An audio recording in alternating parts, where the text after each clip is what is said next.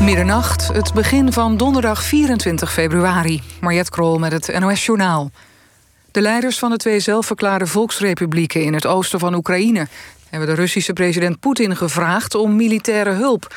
In een brief vragen ze om steun tegen de agressie van het Oekraïense leger, melden Russische persbureaus. Het is nog niet duidelijk of het Kremlin heeft gereageerd. De aanvraag van de regio zou het startpunt kunnen zijn van een direct militair treffen tussen het Russische en Oekraïense leger. Poetin erkende de twee afvallige Oekraïense regio's maandag als onafhankelijke republieken en kondigde een Russische vredesmissie aan in het gebied. Uit Amerikaanse satellietbeelden blijkt dat Russische militairen zich op zo'n 15 kilometer van de Oekraïnse grens bevinden. De man die dinsdagavond urenlang iemand gijzelde in de Apple Store in Amsterdam is overleden. De man van 27 werd aangehouden nadat hij de winkel was uitgerend en door een arrestatieteam was aangereden. Hij lag zwaar gewond in het ziekenhuis. Een advocaat die de man in eerdere rechtszaken bijstond, zegt dat zijn familie hoopt dat hun privacy wordt gerespecteerd. Paleis Soesdijk wordt een locatie waar evenementen worden georganiseerd en op het landgoed worden huizen, een hotel en horeca gebouwd. De gemeenteraad van Baarn heeft de omstreden plannen goedgekeurd. Over de plannen werd jarenlang gesteggeld. Een deel van de raad maakte zich zorgen over de gevolgen voor omwonenden, de natuur en het verkeer rond Paleis Soesdijk, maar is nu ook blij dat het enorme pand, dat al 18 jaar leeg staat, wordt gerestaureerd. Ajax heeft in de achtste finales van de Champions League met 2-2 gelijk gespeeld tegen Benfica. De Amsterdammers kwamen in Lissabon al snel op voorsprong door een goal van Tadic. Vervolgens maakte Aller gelijk door een eigen doelpunt, maar hij scoorde even later ook de 1-2. Na de rust kwam Benfica sterk terug en werd het 2-2. De return in Amsterdam is op 15 maart. Het weer, bewolking en vannacht een graad of 4. Morgen eerst droog. In de middag regen en weer veel wind met kans op windstoten. Het wordt maximaal 10 graden. Dit was het NOS Journaal. NPO Radio 1. VPRO. Nooit meer slapen.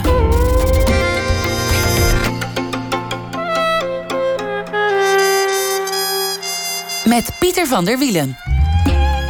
Goedenacht en welkom bij Nooit meer slapen. Vissen vangen met poëzie. Dat was de missie van mijn gast komend uur. Dan kun je op voorhand zeggen: Jeetje, dat is een zinloze missie, wat een onzin. Maar dat slaat de boel natuurlijk wel meteen een beetje dood. Dan houdt het avontuur alweer op voordat het goed en wel begonnen is. En wil je eigenlijk zo wel leven? Dus we gaan gewoon vissen vangen met poëzie. En daarvoor reizen we met Joost Alme midden in een pandemie naar Salina, een vulkaaneiland noord van Sicilië. Er was geen toerist meer te bekennen. Alleen de vissers die leefden er nog. De bewoners waren terug op zichzelf geworpen. En de dichter die had een visvergunning nodig. Hij wist de burgemeester enthousiast te krijgen voor zijn plan. Joost Alme is hier. Het is een boek geworden. Visjes. Joost Alme, schrijver en dichter, geboren in 1990, trad op van Pisa tot Parijs, van Lowlands tot Oerol, gooide hoge ogen in De Slimste Mens. En zijn vorige boek heette Het Perenlied. En daar kun je een heleboel dingen over zeggen. Je kunt er ook heel weinig over zeggen. Maar wat je er zeker over moet zeggen, is dat het een vrolijk boek was. En gek genoeg zijn vrolijke boeken nou net dun gezaaid in de literatuurgeschiedenis. Joost Alme, welkom. Leuk dat je er bent. Dankjewel. Je, je kreeg een hele lelijke tweet naar je hoofd gisteren. Want je was bij dat programma van, uh, van hoe heet ze? Van die M, weet je wel, met die bril. Mhm. Oh ja, jij was er. Dus Ja, dat, dat ik, weet ik, ik weet wie Ja. het is.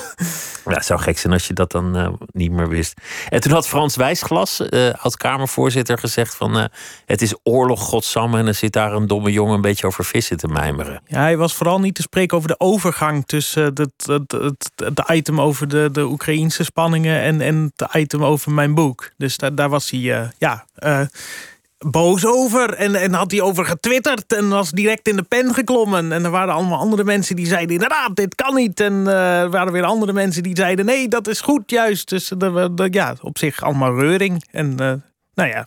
Rugging is altijd goed. Ja, de, ja als een VVD'er boos op me is, dan uh, heb ik het goed gedaan, dacht ik. Dus dat is prima. Het is eigenlijk het sandwich-idee, dat je, dat je iets zwaars dan koppelt aan iets luchtigs. Dus dan was jij het slaablaadje. Maar, je, kan, je kan ook zeggen dat het, dat het een hele oude tegenstelling is dat leed in de wereld het onmogelijk maakt om je vrolijk te maken over het leven als geheel. Dat de vrolijkheid meteen verbannen moet worden. Ja, maar het is ook zo, denk ik, dat. Uh, uh, het wel zo is, en ik wil me niet direct gelijk schakelen of zo helemaal niet, maar wel als, als het heel slecht gaat in de wereld, dat dan het absurdisme in de kunst en, en de vreemde, onlogische manieren van nadenken in de kunst wel weer komen bovendrijven. Ik bedoel, het is niet voor niks dat na de Eerste Wereldoorlog en de Spaanse griep Dada zo enorm groot werd. En, uh, dat, uh, dat was een reactie, want als de logica en de ratio leidt tot gifgas en loopgraven, dan moeten we die eigenlijk maar zien af te zweren en het in het absurde zoeken. Ja, klopt. En in dat, uh, dat, uh, nou ja, dat uh, in zo'n tijdpunt in de tijd zitten we nu, denk ik, ook een klein beetje. Ja, ik, ik weet het niet, maar. Ja, de, de waarheid is al zo absurd dat je ook je kunt afvragen: wat kun je als absurdist er nog tegenoverstellen? Ja, dat kan ja, dat kan je, dat kan je inderdaad aanvragen, afvragen. Maar het is wel zo dat alles wat er nu in de wereld gebeurt, zeker de afgelopen twee jaar of zo, wel helemaal uh, plat is uitgelegd en beargumenteerd. Het moet, moet wel allemaal kloppen van welke kant je er ook tegenaan kijkt. En ik vind het dan interessant om er iets tegenover te stellen wat heel evident niet klopt en wat niet logisch is om te doen, maar dat dan juist wel te gaan doen. Maar wanneer werd jij gegrepen door het absurdisme? Is dat, is dat, is dat aan een moment toe te wijzen? Uh, dat het je ging interesseren? Nou, uh, dat is een goede vraag. Ik weet niet of ik direct zo'n moment kan aanwijzen, maar het is wel een moment dat ik me ben gaan interesseren voor, voor poëzie. Uh, toen was ik 15 en toen ben ik begonnen met gedichten lezen. En dat was de eerste dingen waar uh, was ja, de eerste bundel die ik te pakken kreeg. Het was de enige bundel die bij mijn ouders in de kast stond. Waar de, was de bundel van Lucie Bert. Dus, uh, en dat is niet per se absurdistische kunst, maar wel heel vervreemdend en origineel. En toen ik dat gelezen had, dacht ik, ik wil ook zoiets kunnen maken. Wel prachtig, die gedichten van hem. Ja, heel mooi. Fantastisch. Jazeker. Ja, en hij heeft ook zo die. Dat was een bundeltje waar de eerste vier bundels van hem in stonden. En uh, hij heeft zo een zo'n gedicht waarin zo, zo staat van... ik tracht op poëtische wijze, dat wil zeggen... eenvouds verlichte waters, de ruimte van het volledig leven tot uitdrukking te brengen. En ik vind dat heel mooi dat je... Uh, dat, dat hij zegt van je moet het volledig leven tot uitdrukking brengen en echt de volledige breedte. En dat, dat werkt enorm inspirerend.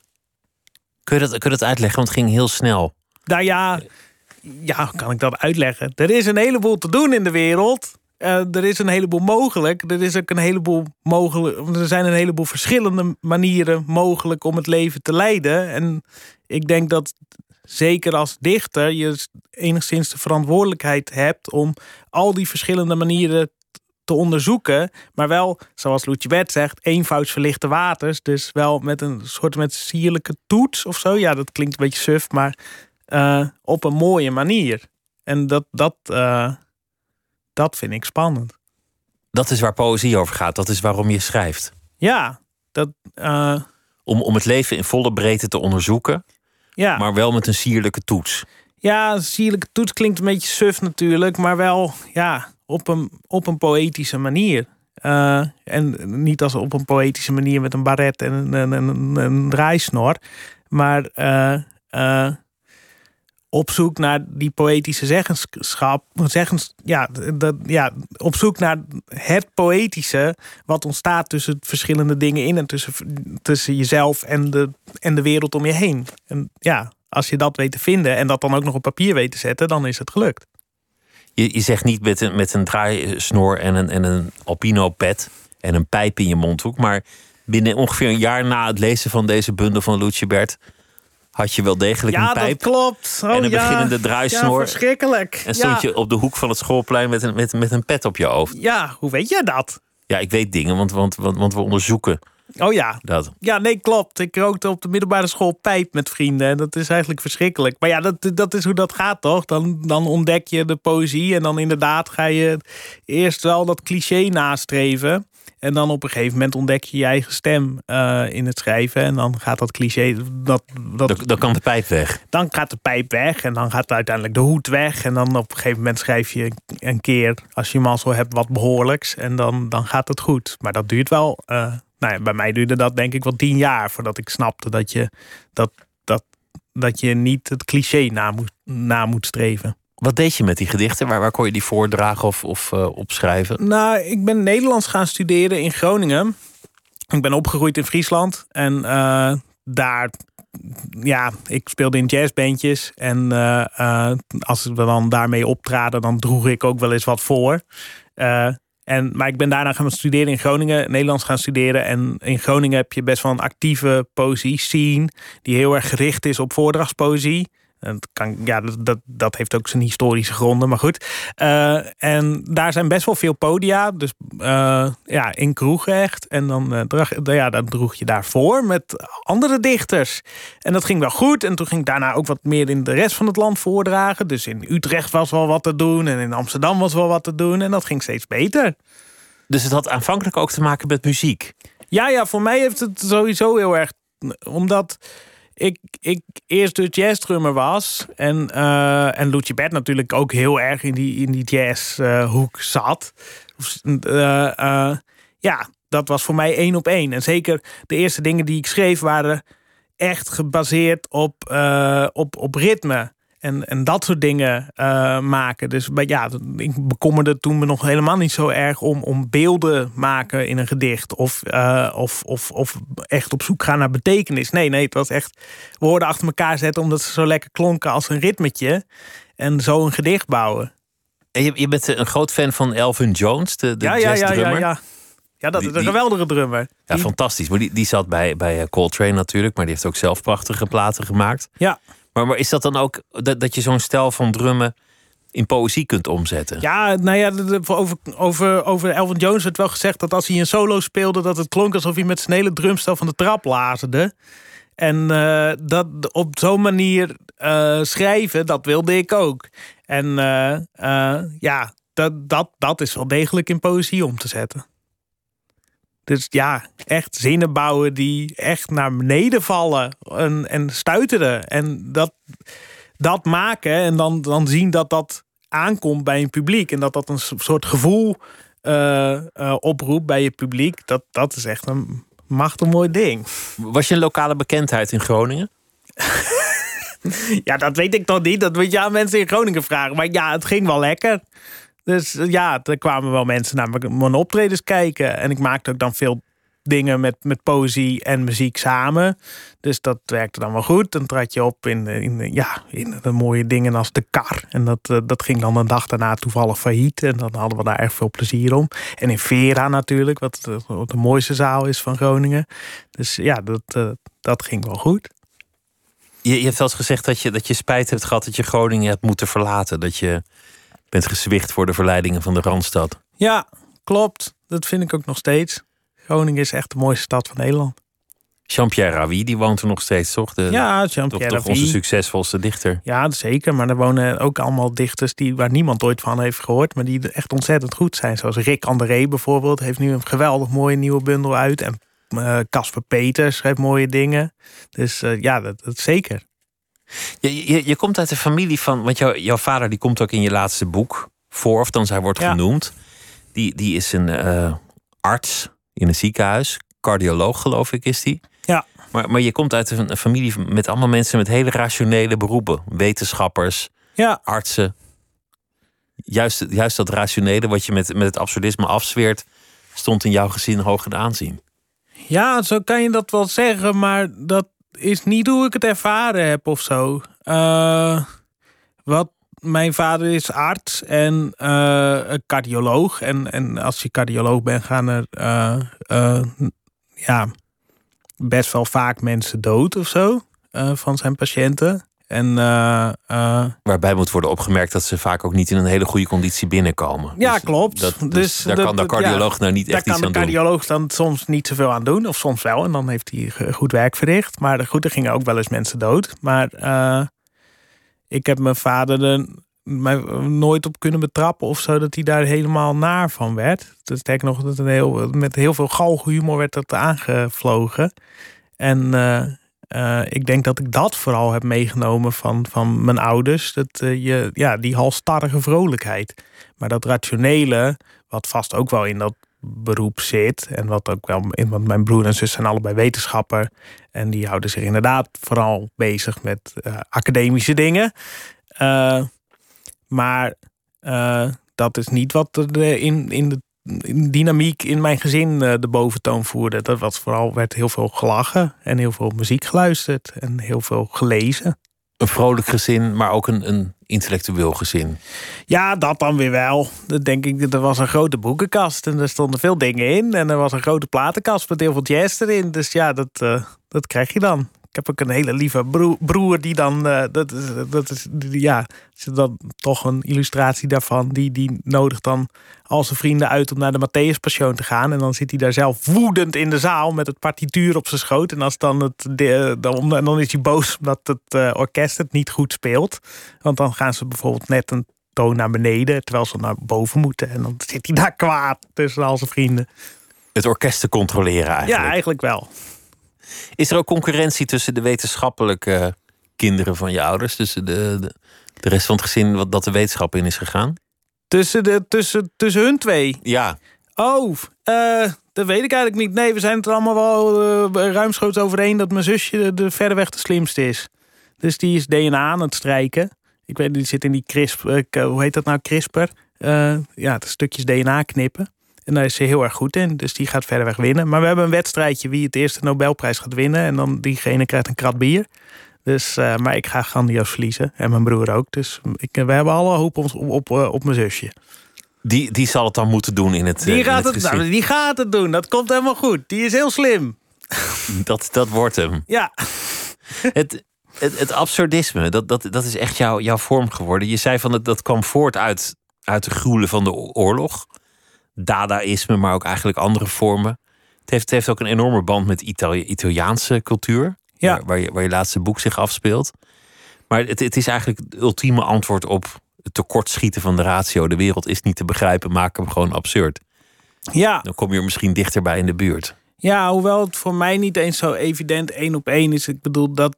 Uh, ik denk dat dat absurdisme goed, uh, goed groeit in een wereld die eigenlijk afgrijzelijk is. En dat je daar, daarin ziet dat veel meer mensen ermee bezig gaan en meer mensen er ontvankelijk voor zijn. Maar voor mij persoonlijk was het wel dat ik het uh, uh, miste in de Nederlandse literatuur die nu bedreven wordt. En ik graag zoiets wilde bijdragen. Want er zijn heel veel mensen die hele mooie boeken maken die echt moeten bestaan, maar die voornamelijk een boek maken omdat ze hun verhaal willen vertellen. En, en, en dat, dat echt dat nodig vinden. Uh, maar ik ervaar het meer dat ik denk van. Uh, dit en dat en dat en dat en dat is er al gemaakt in, in de Nederlandse literatuur. En ik mis bijvoorbeeld in het geval van het Perelied, ik mis een vrolijk boek. Of in het geval van Visjes, ik mis een, een absurdistisch reisverslag. En dat wil ik dan graag bijdragen. En dan heeft het niet zo per se te maken met mijn persoonlijke verhaal. Of hoe ik ben opgegroeid. Of wie, wie ik ben. Of, of dat jij zo absurd in het leven staat ik, of zoiets. Of, of, of, omdat ik iets heel verdrietigs heb meegemaakt. Of weet ik veel. Nee, het is echt wel een literair experiment. En een artistieke keuze van ik wil nu zo en zoiets maken. Want dat is hetgene wat ik mis. Er wordt wel gezegd, literatuur wordt steeds realistischer. Mensen putten uit hun eigen autobiografie of, of uit, uit een andere soort ervaring en schrijven dat mooi en integer en met, met noodzaak op. Ja. Maar de fantasie die verliest het dan een beetje. Ja, de fantasie verliest het dan een beetje. En ook de, eigenlijk wel de, literatuur als kunstvorm verliest het dan misschien een beetje. Hoewel ik wel, ik bedoel, het zijn nog steeds hele belangrijke dingen die dan ontstaan. En ik, ik, ik wil ook niks tekort doen aan, aan, aan mensen die prachtige autobiografische boeken schrijven.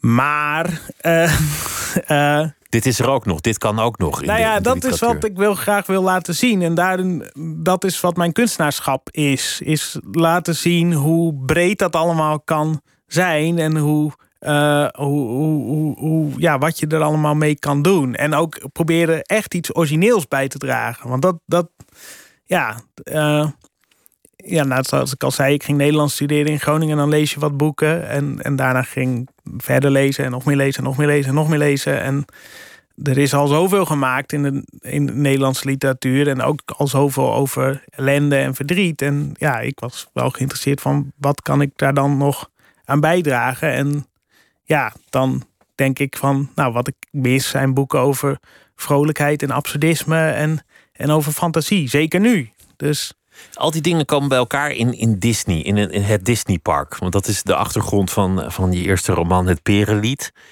En Disney is een plek waar, waar de vrolijkheid dient te regeren. En daar zit al een soort grappige contradictie in.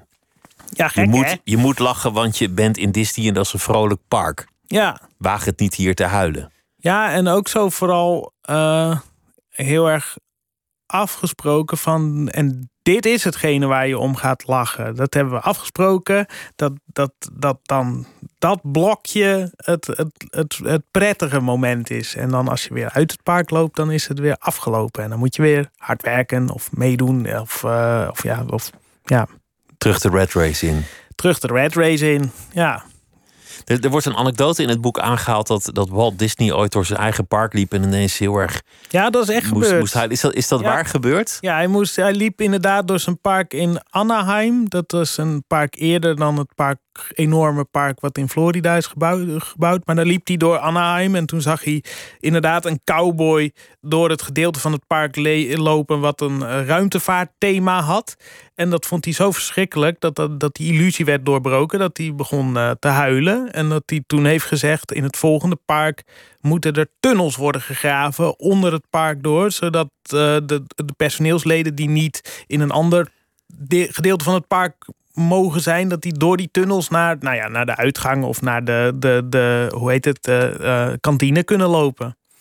En die, zijn die ook, mogen niet in het zicht lopen van nee, de bezoekers. Die mogen niet. En er zijn ook hele, hele lijpe foto's van. Dat, uh, dat, dat, die, dat ze hebben ooit één keer dan een soort met uh, backstage tour gedaan. Maar dan wel gedaan door Mickey Mouse. En dan zie je dus zo'n figuur uh, met zo'n Mickey Mouse hoofd op zijn, of ja, zo'n groot masker, weet je wel. door een volledig desolate tunnel lopen. Wat heel maf is. En wat meteen ook al aangeeft, het is een façade.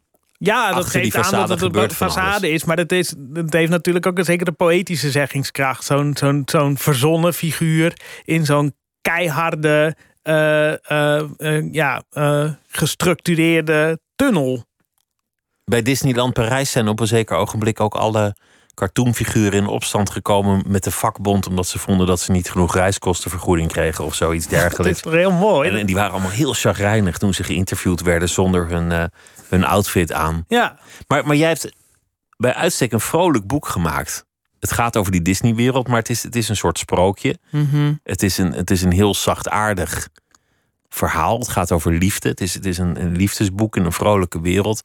En ook echt bedoeld als een, als een feel-good boek.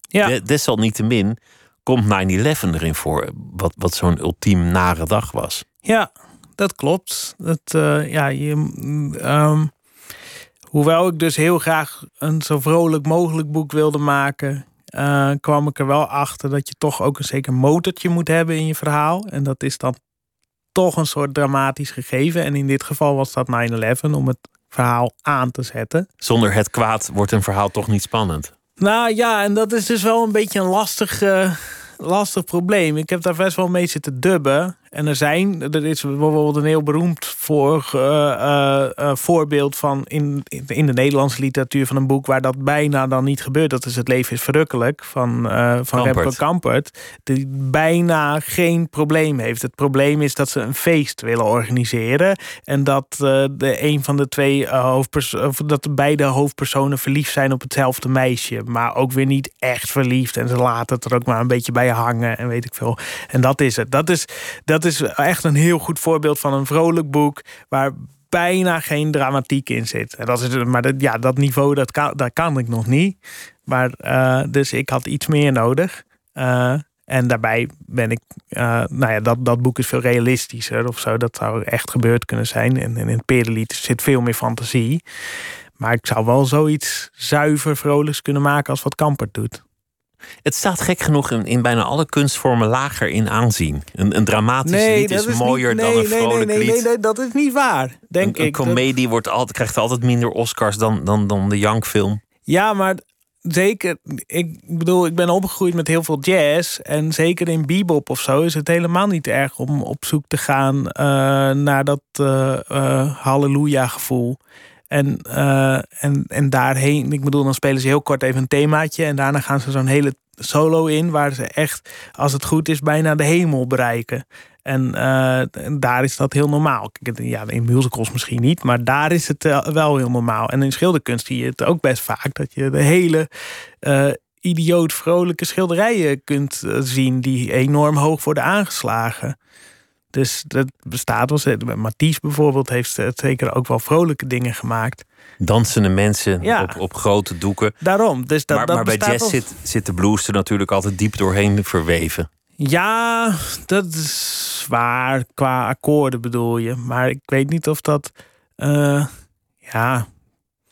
Ja, dat, misschien zou je dat inderdaad als een ondertoon van ellende kunnen zien, waardoor je die hemel kunt bereiken. Maar dat, uh, uh, misschien is dat ook wel hetzelfde als zo'n motortje die het verhaal aan kan zetten om de hemel te bereiken. Om toch die spanning ja. te, te zoeken. Je moet ergens beginnen. Nou, dan, dan komen nu eigenlijk alle dingen die we noemen bij elkaar. Disney, je noemde, je noemde musical, Elvin Jones, John Coltrane en, en vrolijkheid. Laten we gewoon eens gaan luisteren naar My Favorite Things. Oh, dat is goed. Leuk. Dat, dat, dat, past voor gewoon wel bij, wat je, bij de sfeer van, van het perenlied.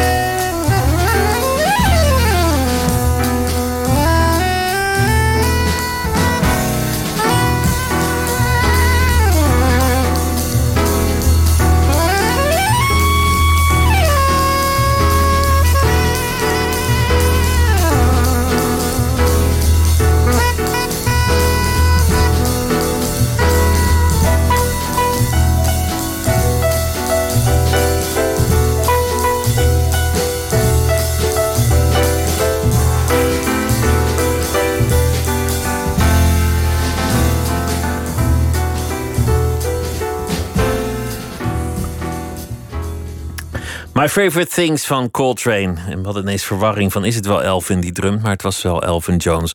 Joost Ome zit tegenover mij. Hij is uh, de schrijver van een nieuw boek Visjes. Hebben we het nog helemaal niet over gehad. We hebben het gehad over je eerste roman Het Perenlied. Over het absurdisme, over de noodzaak van vrolijke kunst. Om iets tegenover de wereld te stellen. En iets over je achtergrond hebben we besproken. Het komen van Groningen naar de Randstad. En dat je als jonge man, als dichter wilde poseren. Dus een pijp en een snor en een... Uh, alpino pet. Ik vind, ik vind het echt wel een mooi beeld trouwens. Ik had geen alpino pet, hè. het was wel zo'n chique hoed. Oh, een echte hoed zelfs? Ja, die had ik ergens gevonden op de zolder van mijn grootouders. Daar stonden ook de initialen nog zo ingestanst. Je moet toch ook wel leven als een dichter als je waarachtig een dichter wil zijn? Ja, ja misschien. Ja, ja. Ik weet het niet. Het, ja, hoe leef je als een dichter? Ik ben nu uh, bezig nou, aan... Jean-Pierre Rabhi zegt, je mag al geen rijbewijs hebben. Dat klopt, die is daar heel stellig in. Maar ik ben nu bezig met een nieuw theaterstuk te schrijven... over Federico Garcia Lorca. En die was er echt super goed in, in leven als een dichter. Die, dit, die leefde dan in, in Granada en uh, in, in, een prachtige omgeving met allemaal mooie fonteinen in van die hele chique grote landhuizen. En dan daar, daar feesten bezoeken. En dan aan het eind van het feest, wanneer er een, een, een, een uh, iemand gitaar had gespeeld. En dan een soort met voorboden nog van flamenco. En dan als iedereen knalbezopen was en het begon een beetje te druppen, want het werd dan herfst, dan ging hij dan nog even een gedicht voordragen. En dan, en dan lange gedichten, terwijl iedereen ladder zat over de tafel hing. En ik vind dat, ja, zo wil ik wel leven. Ja, dat is prachtig. En dan al die mensen mooi gekleed, ook mooie mensen in, ja, ja, ja. in mooie huizen. Ja, en dan dat, zeker bij Lorca dan zo, dat je dan al weet dat het zo extreem tragisch met die beste man afloopt. Dat is, dat, ja, ik hoop niet dat het tragisch met mij afloopt. Maar hoe, liep het, hoe liep het ook alweer af met Lorca? Lorca is, uh, door de, de, de Lorca is uh, 38 geworden. En die is in 1936 door de fascisten doodgeschoten. Omdat hij dichter was, links en uh, homoseksueel. Dus hij had drie streepjes, drie vinkjes drie tegen. streepjes en toen is hij opgepakt en vermoord. Tragisch. Dat is wat er met dichters gebeurt. Hoe, is het, hoe is het verhaal van Visjes tot stand gekomen? Want je zei, ik wilde een absurdistisch reisverhaal schrijven. Wat, wat is een absurdistisch reisverhaal? Nou, mm, ik, uh, uh, ik had het boek van, uh, van Julio Cortázar en Carol Dunlap gelezen. En die uh, hebben, uh, dat is een beroemd boek, dat heet De Autonauten van de Cosmosnelweg. En in dat boek gaan uh, ze samen op avontuur van Parijs naar Marseille. En je denkt dat is helemaal geen lange rit. Maar ze gingen met hun campertje, elke dag gingen ze twee parkeerplaatsen aan de tolweg aandoen. En dan de eerste gingen ze lunchen en de tweede gingen ze dan dineren en slapen. En dan elke dag twee. En dat zijn er precies genoeg om een maand lang onderweg te zijn. En ze hebben over die reis een heel precies reis, uh, ja, soort met scheepsjournaal hebben ze bijgehouden. ze hebben precies genoteerd wat voor weer het was en wat de rijrichting of de staarrichting was van hun camper. En het een kaartje erbij getekend van die parkeerplaatsen. En precies beschreven wat voor begroeiing er was en wat voor avonturen ze daar dan meemaakten. En dat is een prachtig boek. Dat is heel. Maar het absurdistische zit er dan in dat je zegt, ondanks dat je gewoon met de camper op weg naar Marseille bent, dit is een cosmonautische reis. Nou ja, en het is een volstrekt idiote expeditie om gewoon niet die tolweg af te gaan. Ze gingen dus precies alleen die parkeerplaatsen aandoen. Ze gingen niet de afrit af en een leuk hotelletje zoeken of zo, of het bos in. Nee, alleen maar die, die snelwegparkeerplaatsen voor een maand lang. En ook een maand lang dus geen tegenliggers zien. Want je rijdt alleen maar op, op zo'n baan. En uh, ja, dat, dat vond ik een heel inspirerend boek. Dat had ik al ergens in mijn achterhoofd toen ik naar dat eiland ging. En uitgenodigd werd om daar een maand te zitten. Uh, en toen, toen dacht ik al van misschien kan ik zoiets soort van maken. Maar hoe, dat wist ik nog niet. En toen liep ik over dat eiland en ik was samen met, met Merka Farabegoli en José Witteveen, uh, de twee kunstenaars die vooral met fotografie werken. Uh, en die, uh, die, die schoten op dat eiland met analoge camera's. En dan loop je en dan, uh, dan moesten zij weer scherp stellen en weer licht meten. Dus ik, en dat hoefde ik niet te doen. Dus ik had heel veel tijd. En toen vond ik daar een hele lange uh, stok. Dat was een, een, een, uitgegroeide venkel. Die groeien daar in het wild. En die was, als je die lang genoeg laat groeien, dan worden ze heel erg lang. En er lag er eentje, die, die lag daar op de grond. Die was afgebroken. En die pakte ik ook toen op. En toen dacht ik eigenlijk direct van... hier kan ik wel een hengel van maken. Uh, vooral ook omdat daar heel veel, ja, iedereen is daar de hele tijd bezig met vis. Want het zijn voornamelijk vissers of mensen die van de toeristenindustrie leven. Dus toen dacht ik, hier kan ik wel een hengel van maken. Toen heb ik hem mee naar huis genomen. Uh, een hele eind wandelen met dat uh, kleren ding. En toen lag ik die avond in bed. En toen dacht ik, nou ja, wat kan ik? gedichten schrijven. nou, misschien kan ik een vis gaan proberen te vangen met deze hengel. Maar dan als aas een gedicht. Uh, en ja toen, ja, toen dacht ik, nou, daar zit misschien wel wat in. En toen ben ik daarmee gaan uitproberen om daar teksten over te schrijven en, en mensen interviewen. En... Kun je vissen vangen met poëzie? Was dan ineens een vraag die. Ja, en, nou ja, en ook vooral, iedereen was daar echt wel een beetje in zak en as, omdat alle toeristen dus wegbleven. Dankzij de, uh, de ja, door de, uh, door de coronacrisis. Dus ja, ik wilde wel helpen om weer toeristen terug te lokken. En, en ik dacht, als ik kan bewijzen dat, dat vissen die hier in dit gebied van poëzie houden, dan komen er natuurlijk heel veel mensen terug om dat wonder te aanschouwen. Dus dat, dat wilde ik graag gaan doen. Waren er dan zeg maar lokale Frans wijsklassen die zeiden: hou eens op met die onzin? Uh, nee, eigenlijk waren de meeste mensen daar wel er echt heel ontvankelijk voor. Er was één uh, hele vervelende vissers, vissersman, die zit ook in het boek, die vroeg of ik uh, heel veel wiet had gerookt. Dat, dat, dat, dat, ja, dat, dat, dat, ja, die geloofde er niet in. Maar eigenlijk alle andere mensen reageerden er heel positief op. En zelfs, ik heb op een gegeven moment een, een feest daar gevierd met uh, allemaal garnalenvissers. Wat echt jonge jongens waren en echt uh, rouwdouwers van Sicilië. Maar die vonden het eigenlijk ook allemaal wel een prima idee. En die zeiden, nou Joost, als het je lukt, dan moet je maar mee met ons op de boot. En dan moet je hier blijven. En dan moet je nou, voordragen voor de vissen vanaf onze boot. En dan springen ze zo in ons, ons schip. En zo ga je ook uiteindelijk mee, of als lezer ga je mee op een vissersboot. En dan, en dan aanschouw je de, de tonijnvangst, die, die, die ruw en ja, dat bloedig is en zwaar is. Ja, ja dat, is, dat is een heftige uh, manier van tonijn vangen. Want uh, daar, ja, nu doen ze dat dus niet meer. Want, uh, maar wat ze deden was dan een soort met grote kamer maken onder in de zee. Waar alle tonijnen via een netwerk van, van uh, netten naartoe werden geleid.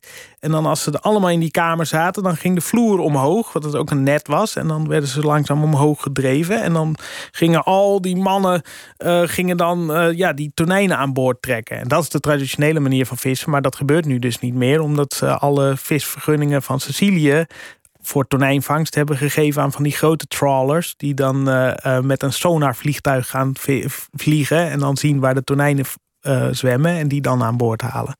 Dat is net zo bloedig, die andere manier alleen efficiënter. Ja, en, en, en, en niet traditioneel of zo.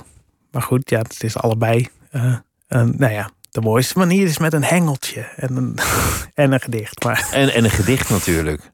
Toch, toch is het wel interessant, omdat poëzie kan een land redden of een eiland. Of, of kunst kan dat in ieder geval doen. Want er moet gewoon iets gebeuren daar. Er moet een, de, het toerisme was opgedroogd, de visserij was opgedroogd die mensen leven, er moet iets van inspiratie komen om, ja. om, weer mee te doen in de wereld. Ja, nou ja, dat. En, en het was voor mezelf ook wel belangrijk. Want uh, ik, kwam, ik vond het best wel spannend om naar dat eiland te gaan midden in een pandemie. Uh, en... Want jij was ook bang voor, voor het virus. Ja, nou ja, ik ging daarheen in, in, in mei 2021. En uh, toen uh, was mijn leeftijdsgroep nog niet aan de beurt om gevaccineerd te worden. Dus ja, dat, dat, ik was nog gewoon helemaal vatbaar voor dat virus. Uh, en uh, ja, het is een heel klein eilandje. Dus er is wel een heel klein ziekenhuisje. Daar staat één bed in. En alle broeders staan elke dag voor, de, voor het ziekenhuisje te roken. Dus uh, als ik daar echt ziek was geworden, dan had ik afgevoerd moeten worden met een helikopter naar Sicilië. Maar ook als ik gewoon een beetje ziek was geworden, ja, dan zit je in quarantaine op een eiland. Dus dat vond ik best wel spannend. Uh, en, en ik had daar best zenuwen van. Dus om, ja, ik was blij dat, ik, dat het toch lukte om uh, een poëtisch idee te bedenken. En dat werd ook een beetje zo'n strohalm om me daaraan vast te houden met dat gekke experiment. Maar ja, er zit ook wel een zekere halstarrigheid in. Je, je raakt ook bevriend met mensen en uiteindelijk toch ook wel met de, de burgemeester die het, het meest van allemaal enthousiast werd voor, voor het plan. Ja, die, was echt, die pakte het echt serieus op. Dus ik heb de burgemeester een brief geschreven. Die staat ook in het boek. Uh, uh, of ik, uh, ja, ik kan wel een stukje voorlezen van die brief. Ja, ja, graag, want het is heel plechtig. Ja, nou ja, het, het wordt heel groot. Ik ging nee, die burgemeester een brief schrijven om te vragen of ik een visvergunning van, van hem mocht. en ik schrijf, nou ja, ik schrijf hem dit omdat ik een dichter ben die zich graag inzet voor de hele gemeenschap en niet alleen voor dat deel dat geïnteresseerd is in poëzie, wil ik mijn steentje bijdragen aan de heropleving van de toeristenindustrie op dit eiland. Ik heb daarom een plan bedacht waar ik echter wel uw hulp en toestemming voor nodig heb. Mijn plan is om een vis te vangen met een gedicht. Waarom wil ik dat? Ik wil dit om te bewijzen dat er rondom dit eiland vissen zwemmen die niet alleen kunnen lezen, maar echt gevoel hebben voor poëzie. Salina en alle eilanden eromheen zijn met hun vulkanen en wilde alsem, waarvan men de drank absint stookt, een hoogst poëtische omgeving. En ik kan me niet voorstellen dat dat de vissen van deze eilanden niet heeft beïnvloed in hun literaire smaak. Daarnaast weiger ik te geloven dat poëzie alleen iets is voor op het droge. En zolang er nog niemand heeft bewezen dat vissen niet kunnen lezen, ga ik er gemakshalve van uit dat ze dat wel kunnen. Wanneer ik bewijzen kan dat de vissen van Salina van poëzie houden, zullen er van heinde en verre dichters naar dit eiland komen om hun werk aan de vissen voor te lezen. Dichters zijn altijd op zoek naar één, een wonder en twee, een nieuw publiek. Daarbij zijn het ontzettend fijne toeristen, ze zitten veelvuldig op het terras en zijn dol op lokale wijn. En ik moest net, net moest ik toevallig optreden in Utrecht. En als ik dan dit voorlees aan een zaal, dan moeten mensen daar vrij hard om lachen. Maar ik, uh, ik heb deze brief laten vertalen in het Italiaans en, en opgestuurd naar die burgemeester. En die burgemeester neemt het dus, die nam het wel serieus. Die heeft me daar ontvangen in zijn, in zijn werkkamer, wat een hele mooie werkkamer was, met een groot portret van de president van Italië. En daarnaast een grote crucifix. En daarnaast de letters, zo van die gouden Xenos letters smile had hij zo achter zijn bureau hangen. Maar die heeft heel serieus met mij daar zitten praten over de problemen wat de, de coronapandemie voor het eiland meebracht. En wat, ik, wat kunst daar dan mee kan doen. En wat, wat hij van mijn plan vond. En toen heeft hij daarna heeft hij me gevraagd: mag ik je paspoort even hebben? En toen heeft hij heel netjes een, een visvergunning voor mij uitgeschreven. Wel alleen voor vissen met poëzie. Dus ik mag daar niet met een hengeltje met een worm eraan zitten. Of met een net. Dat mag allemaal niet. Maar ik mag nu wel voor eeuwig daar uh, met een hengel en een gedicht eraan komen om, om een vis te proberen te vangen. En ik vind dat te gek dat die man dat echt heel serieus opvat en dat hij dacht, ja, dit kan mijn eiland helpen. Maar het, het, is ook heel prachtig gekoppeld aan de geschiedenis van het eiland waar ze niet meer mogen vissen omdat ze de vergunning niet hebben gekregen, omdat anderen die wel hebben gekregen. Ja, klopt. Dus, dus, dus de, de, de realiteit en het absurdisme. Want het zijn vissers die failliet gaan vanwege een papiertje. Ja. En jij hebt een papiertje waar je niet zo gek veel aan hebt, omdat de vissen nog niet echt willen bijten met poëzie. Nee, maar ja, de, de, opzet voor mij was wel dat, dat er weer toeristen terug zouden komen naar het eiland. En, en uh, het heeft ook wel gewerkt. Want nu, ja, het boek is net uit, maar er waren al mensen die het uit hadden gelezen. En die me appten van, uh, nou Joost, mooi beschreven. Nu heb ik ook zin om naar dat eiland op vakantie te gaan. En het kan weer. Laten we het en, maar eens doen. Ja, dat, dat, dat kan weer. Maar ook het feit dat ze, ja, ja, dat ze door, door die burgemeester heeft met die vergunning gegeven. Daardoor kon het boek ontstaan. En blijkbaar komen er dus nu weer mensen naar zijn eiland. Dus hij heeft het wel bij het rechte eind gehad. En dat vind ik dan wel te gek dat uiteindelijk het toch wel weer allemaal klopt de, de niet-absurdisten die winnen eigenlijk altijd in absurdisme van de wel-absurdisten. Want, want vissen met poëzie mag absurdistisch klinken. Je haalt in het boek aan dat Mussolini ooit besloten heeft dat in elk Italiaans dorp alle ingrediënten voor brood verbouwd moeten worden.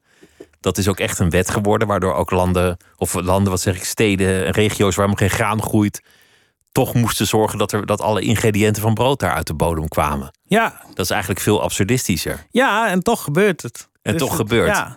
Tijdens de pandemie werden er ook maatregelen over ons uitgestrooid, waarvan sommige niet zouden misstaan in een dadaïstisch manifest. Ja, maar toch gebeurt het. Maar de wereld is toch ook heel raar waarin we ons bewegen. En ja, het enige wat je daar dan als kunstenaar hoeft te doen, is daar een, een, een zoeklichtje op te zetten. En dan, dan heb je alweer een boek. Oorlog voeren vind ik ook absurdistisch. Dat is het in ook. deze tijd. Dat je anderen gaat doodschieten omdat ze, dat ze in een provincie wonen waar jij zelf niet eens wil wonen. Ja, zeker. En het enige wat je daar tegenover kunt stellen is een, een, een vrolijk soort absurdisme. Om te laten zien, het is allemaal volstrekt idioot. Maar Laten we het dan tenminste vrolijk maken. Nou, niet eens per se vrolijk, maar laten we dan het in zekere zin poëtisch maken. En origineel en vervreemdend. Want een, het nare absurdisme, het volstrekte idioten, dat, dat, dat resoneert wel op een bepaalde manier in mensen dat ze het toch herkennen en dat het daarom toch maar gewoon gebeurt en in de pas blijven lopen. Maar het is niet per se de enige manier van leven. Er is ook een, een manier van leven die origineel is en een manier van kunst maken die origineel is. En ik, ik vind wel dat het mijn taak is als schrijver en als kunstenaar om dat te laten zien. Dat dat in de mogelijkheden ligt. En in het Perenlied deed ik dat heel erg met fictie en met fantasie. En dat is een, soort sprookje geworden daarin. Maar ik heb het daar misschien nog niet duidelijk genoeg laten zien dat het ook echt in de echte wereld kan. En daarom is visjes nu. Want daarin heeft de realiteit ook echt een plek. Ik heb in, toen ik aan het Perenlied werkte, was de coronapandemie ook al aan de hand. En daar zit bijvoorbeeld een scène in dat het hoofdpersonage in de metro zit. En ik dacht van, maar ja, moet ik die dat de mensen in de metro dan mondkapjes geven? Moet ik dat dan een plek geven in het verhaal? toen dacht ik, nee, want het is een, sprookje, het is fictie. En, en, en, ja, dan heeft dat de realiteit geen plek. Maar in dit boek wil ik juist die realiteit heel erg een plek geven en laten meedoen. En, en, en ik heb mezelf er ook in geschreven. En het is ook allemaal echt gebeurd. Maar juist om te laten zien dat dat ook een mogelijkheid is. En dat dat gewoon kan in de wereld om ons heen. Dus dat absurdisme ook een plek heeft in de reëel, reële wereld. Of ja, en dat het een manier is van leven die gewoon echt daadwerkelijk mogelijk is. Ik bedoel, daar is het dat, dat, dat ook K. Schippers bijvoorbeeld, uh, de, de, de, liet dat ook heel duidelijk zien. Die heeft bijvoorbeeld een prachtig gedicht geschreven waarin hij uh, uh, de, de, de ontstaansgeschiedenis van dat gedicht is dat hij de krant zat te lezen en dat er een vliegje op zijn krant landde. En dat die, de, dat, dat vliegje een bepaalde route over, uh, over het krantenbericht ging uh, lopen. En dat hij toen maar heel gewoon precies heeft genoteerd welke letters die precies overliep. En dat was het gedicht. Alleen maar de, de route van die vlieg. En blijkbaar is dat ook een mogelijkheid om zo de wereld te aanschouwen en zo de wereld een plek te geven in kunst. En ik word daar echt dol enthousiast van als je laat zien aan andere mensen dat dat kan. En ik, ik vind het ook een spannend ding wat dan ontstaat met je publiek. Want dat, is, dat, dat zorgt voor een bepaald soort ontroering. Maar dat is een ontroering door uh, geluk en door het poëtische. Het is niet een ontroering omdat je dat verdriet van iemand herkent. Dat kan ook. En dat kan ook iets heel moois opleveren. En dat... Maar dat hoeft niet om ontroering teweeg te brengen. Hoe bedoel je? Dat, niet, dat is niet de enige weg met verdriet en, en, en Nee, nou ja, het is niet de enige weg. Er is ook nog een andere weg. En dat... Uh, ja. Is, is het ook zoeken naar een ander, andere manier van leven, naar een andere samenleving? Zou je uiteindelijk ultiem je buiten de samenleving willen plaatsen of in een, in een parallele samenleving? Nou, uh, ja. Ik weet niet of ik dat durf. Uh, dus dat, dat is ook lastig. Maar, uh, maar, waarom zou je dat niet durven? Ja, misschien wel. Maar ja, in, in wezen doe ik dat al een beetje door dit soort werk te maken. Door überhaupt ja, dingen te schrijven, dan, dan dat is, ja, dat is eigenlijk niet de bedoeling. Als je jubelend door de wereld gaat. Dan hoor je niet te schrijven. Nee, juist wel. Maar uh, het, ja. Uh, mm, hoe zeg je dat nou? Als je op zoek gaat naar die ont, uh, ontroering door geluk, dan dat, dat werkt het best als je door uh, heel veel verschillende dingen ontroerd kunt worden. Omdat ze zo mooi, omdat ze zo prachtig, omdat ze zo geweldig en dat halleluja gevoel. En, en, en, en ja, dat is niet handig. Want als je de hele tijd aan het jubelen bent, dan, dan, dan, dan, dan kun je niet mee bijdragen aan uh, de red race, uh, het economisch systeem, de oorlog, dat soort ellende allemaal. Dus, uh, Volgens mij is het zelfs ongepast om vrolijk te zijn. Nou, daarom. En Volgens mij is dat, dat ook waar die kritiek van gisteren van, van nou, we laten die, die arme man met rust. Maar waar, dat, waar, waar Wijsgast het over had, want het is dan niet gepast. Hoe kan jij, hoe kan jij nou vrolijk zijn terwijl het oorlog is, of terwijl er honger is, of terwijl er crisis is, of terwijl er een pandemie is? Ja, maar ik denk van het is juist belangrijk om juist op dat soort momenten te laten zien dat een, een, een, een jubelend leven wel mogelijk is. Om, en, om, om te, en dat het, dat hetgene is waar je naar op zoek moet gaan. En niet alleen. Naar een jubelend uh, leven. Nou ja, en niet alleen de kunstenaar of, of uh, de radiopresentator die daar nou, nou op zoek moet gaan, maar uh, alle mensen. En ik ben wel benieuwd wat er gebeurt wat, wanneer uh, dat een veel normalere manier van leven wordt. Om, om allemaal een beetje, een beetje een blij ei te worden eigenlijk. Ja, allemaal een beetje een blij ei te worden. Of in ieder geval, uh, ja, ja, en in iedereen, ja, wel een blij ei te worden. En het, misschien krijg je dan wel een enorm suffe wereld. En misschien wordt er wel, is er wel geen bal aan. Maar we hebben het nog nooit geprobeerd. Dus zeker weten doe ik dat niet. Ik vond het zo leuk dat je K. Schippers noemde, want ik kwam hier vanavond binnen en er hing in de, in de lift een plakkaat van, van de directie of de beheerder van dit gebouw. En er stond: uh, U hoort in deze lift een gevaarlijk klinkende bron. Wij weten ervan. En het was dan ook nog in verschillende lettertypes. Dus dan was bron heel vet. En dan was het dat wij weten ervan heel klein. Maar dit is een ongevaarlijke bron. We zullen er binnenkort wat aan doen, maar aarzel niet deze lift te nemen. Ja, spannend is dat, hè? Dat, En, dat, en ik dacht, ja. K. Schippers zou hier onmiddellijk poëzie in zien. Die zou het van de muur grissen met alle gevolgen van dien en in, in een bundel hebben opgenomen. Ja, zeker. Ja, dat, ja, maar dat is toch te gek dat dat wel een soort met. Hoewel het gewoon een dienstmededeling is. en een, gewoon een, een, een stukje tekst wat daar met een bepaald doel is opgehangen. Dat dat Zeer ook, functioneel. ja, zeer functioneel. Dat dat ook een poëtische kracht heeft. En dat dat ook ergens resoneert. Bij jou dan, maar bij mij ook. En bij K. Schippers waarschijnlijk ook. Maar bij een heleboel mensen ook. Als iets moois en, en iets universeels bijna.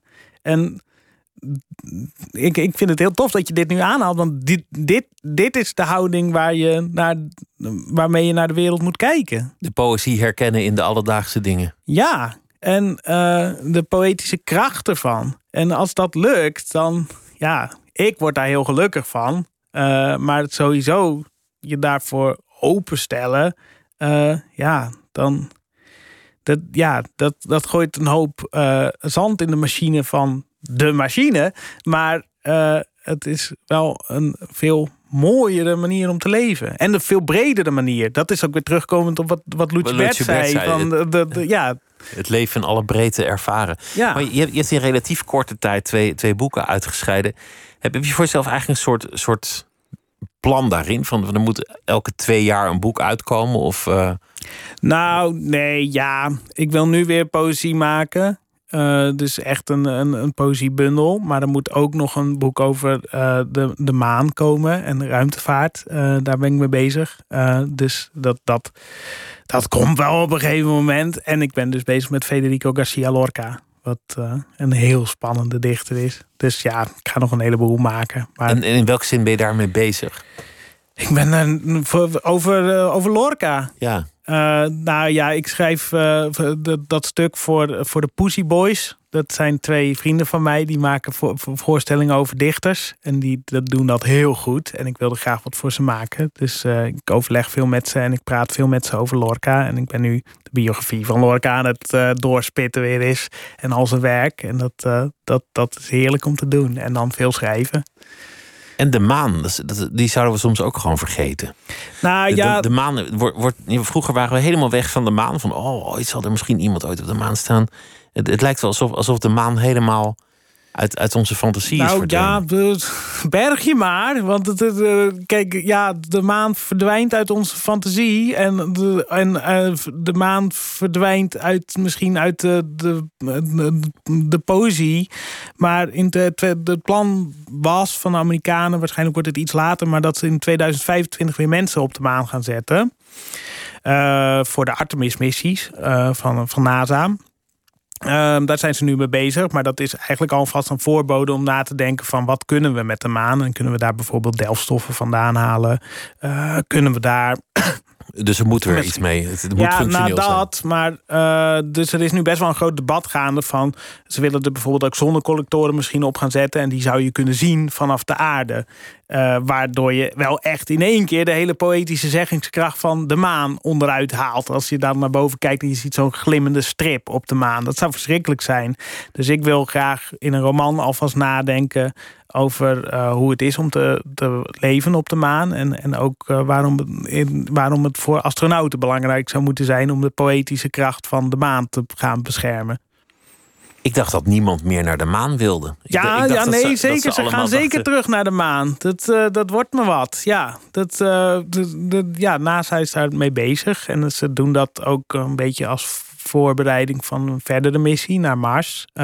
Maar eh, dat, eh, ja, daar, daar, dat, dat, dat is wel waar ze terug naar gaan. Dus de poëzie moet de maan terugclaimen. Nou ja, dat is een groter vraagstuk. Dus er zijn ook bijvoorbeeld hele eh, groeperingen die vinden dat de maan dezelfde status moet krijgen als Antarctica. Dus eh, als een soort met beschermd natuurgebied. En eh, En van iedereen, collectief En van iedereen. aarde. ja, en dat, daar ben ik ook heel erg voor. Maar er zijn ook een heleboel mensen die zeggen dat moeten we niet doen. We moeten de hele maan gaan eh, volzetten met mijnen en zonnecollectoren. Want daar kunnen, we, daar kunnen we een heleboel mee met dat spul wat daar ligt. Maar dan wordt de maan wel eh, ontheiligd. En dat, dat, zou, dat zou verschrikkelijk zijn voor de, voor de poëzie. En dat, ja, dat, dat, dat, dat, dat, ik vind dat wel belangrijk om daar nu al over na te gaan denken. Zeker ook in de letteren. Je, je bent uh, heel ver gekomen met de slimste mens. En, en toen, toen was je ineens ook. Ja, sorry dat ik dan over zoiets ontzettend aards begin. Terwijl jij poëtisch over de maan praat. En dan, dan. Dat mag wel. Knal ik dit setmoment er tegenover. Wat, wat, heeft je dat gebracht? Want, want ineens ben je een, een, een bekend figuur geworden. Ja, dat was uh, leuk. Ja, het is een heel lief programma en er kijken heel veel mensen naar. Dus dat was fijn. Uh, het heeft uh, ervoor gezorgd dat mensen, meer mensen mijn boek hebben gelezen. Dus daar ben ik de slimste mensen erg dankbaar voor. En voor het is het best. Ja, het is, het is een lief, maar ook wel een beetje suf spelletjesprogramma. Dus ja, het was gezellig om dat te doen. Het werd opgenomen vlak nadat ik van dat eiland terugkwam. Dus ik was nog helemaal uh, in de wolken. En ook bezig met dat, uh, de lijn van dat boek te bedenken. Uh, en toen moest ik opeens allemaal vragen beantwoorden over ja, kennisvragen die je allemaal paraat had. Maar het, leek ook alsof je totaal vergat dat je op tv was en gewoon ja, maar dat is ook wel imiteerde en weet ik veel ja, wat je allemaal nou ja, voor Ja, ze waren heel vriendelijk bij dat programma en het, werd, het, het, het wordt opgenomen in zo'n studio en dan zorgen ze heel vriendelijk voor je. Dus je krijgt de hele tijd snickers toegediend en, uh, en een glaasje cola. En ja, eerlijk gezegd vergat ik ook een klein beetje dat het werd opgenomen. Ik zat daar altijd vriendelijk te beppen met iedereen. Dus ja, dan, dan uh, ja, ja, wat moet ik erover zeggen? Dat, dat, dat, dat, uh, ja, dan, dan vergeet je dat. En dan heb je het gewoon, gewoon gezellig. En ja, dan krijg je dit soort televisie. Ga, ga je eigenlijk nog terug naar dat eiland? Is, is er dan nu iets voortgekomen uit het, uh, nou, het poëtisch vissen? Ja, ja, ik moet sowieso nog terug naar dat eiland om, om Antonella, die in dat boek zit, de, de boekhandelaarster en, en de burgemeester en, zo, en, en nog wat meer mensen op dat eiland dat boek te brengen. Uh, dat wil ik sowieso nog wel doen. Uh, en met uh, Mirka en José, de kunstenaressen die de foto's hebben gemaakt voor het boek, willen we nog wel wat meer gaan maken. En je hebt daar een, een hele gekke traditie van een soort met mengeling van poppenspel en, en, en verhalen vertellen met een stok. Uh, dat is een Siciliaans ding wat ze daar doen. En uh, uh, dat, dat zijn hele breedsprakige grote mannen die dan met een stok in de hand heel groot die verhalen vertellen. En soms is er dan een poppenspeler bij die dan ook met zo'n van die, van die marionetten dan dat allemaal weer aandik. Nou, die marionetten die laten we maar even voor wat het is. Maar die stok die, die is in het, nu vaak in die traditie vaak een zwaard. Maar ik dacht natuurlijk dat kan ook wel een hengel zijn. Dus ik wilde daar eigenlijk nog zo'n soort voorstelling gaan maken. Uh, maar dan met een hengel. En het spannend zou zijn als dat ook een soort met gekke hybride vorm van Nederlands en Italiaans kan zijn. Wat, zodat het ook echt op die eilanden kan spelen. En ik wil nog heel graag terug naar Alicudi, want daar hebben we het nu helemaal niet over gehad. Maar dat is een heel spannend eilandje wat naast Salina ligt. Dat is nog veel kleiner. En daar hebben ze uh, het probleem gehad dat ze een, op een gegeven moment een schimmeltje op hun graan hebben gehad. Dat schimmeltje heet moederkoren. En dat, uh, daar, daar, uh, als je daar brood van bakt en dat dan opeet, dan heeft dat ongeveer hetzelfde effect als LSD. Maar ze hadden helemaal niet door dat uh, dat, dat, dat schimmeltje op hun graan zat. Dus ze hebben daar gewoon jarenlang brood van gegeten. En dus jarenlang met dat hele eiland zitten trippen. Dus iedereen was gestoord daar op dat eiland? Iedereen was volstrekt idioot geworden daar voor jarenlang. En ze zijn er pas achtergekomen toen een stel hippies eh, op dat eiland kwam... en zei, nou, wat jullie daar eigenlijk met dat brood hebben... dat lijkt wel heel veel op wat wij met onze LSD hebben. Uh, maar daardoor zijn die volksverhalen van dat eiland heel raar geworden. En daar wil ik dus eigenlijk nog wel wat mee doen. Want ze hebben er dus heel veel over dat je stormen met rare spreuken door de midden kan knippen. En dat je vliegende huisvrouwen hebt die dan even in Palermo boodschappen gaan doen en dan weer terugkomen vliegen. En pratende graanzakken. En uh, heilige beelden die niet op de goede plek staan en daarom allemaal vloeken hebben uitgesproken over het eiland. En dat, ja, dat, dat eiland is ook echt heel heel spannend. En het is heel gek eiland, want er zijn dus ook geen wegen daar. Alleen maar, uh, alleen maar een soort met ezelpaadjes. Dus dat eiland zit al een klein beetje in het visjesboek. Maar ik denk dat daar nog wel meer te halen is. Dus misschien komt er nog wel een vervolg. Het absurde eiland. Dankjewel dat je langs wilde komen. En ik wens je heel veel uh, plezier met alles wat uh, verder gaat gebeuren. Het boek heet Visjes. Joost Omen, dank je. Was een genoeg om met je te praten. En dit was Nooit meer slapen voor vannacht. Morgen dan komt de oud-opperbevelhebber der Nederlanden hier langs Tom Middendorp die tegenwoordig door het leven gaat als klimaatgeneraal. Dat morgen in Nooit meer slapen zometeen Misha. Voor nu een heerlijke nacht.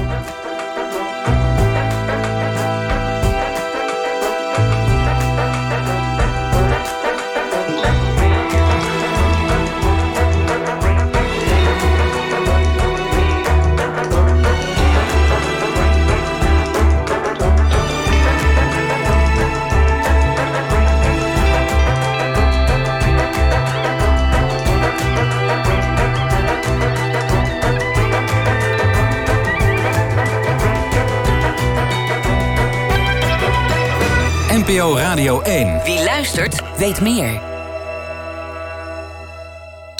NPO Radio 1.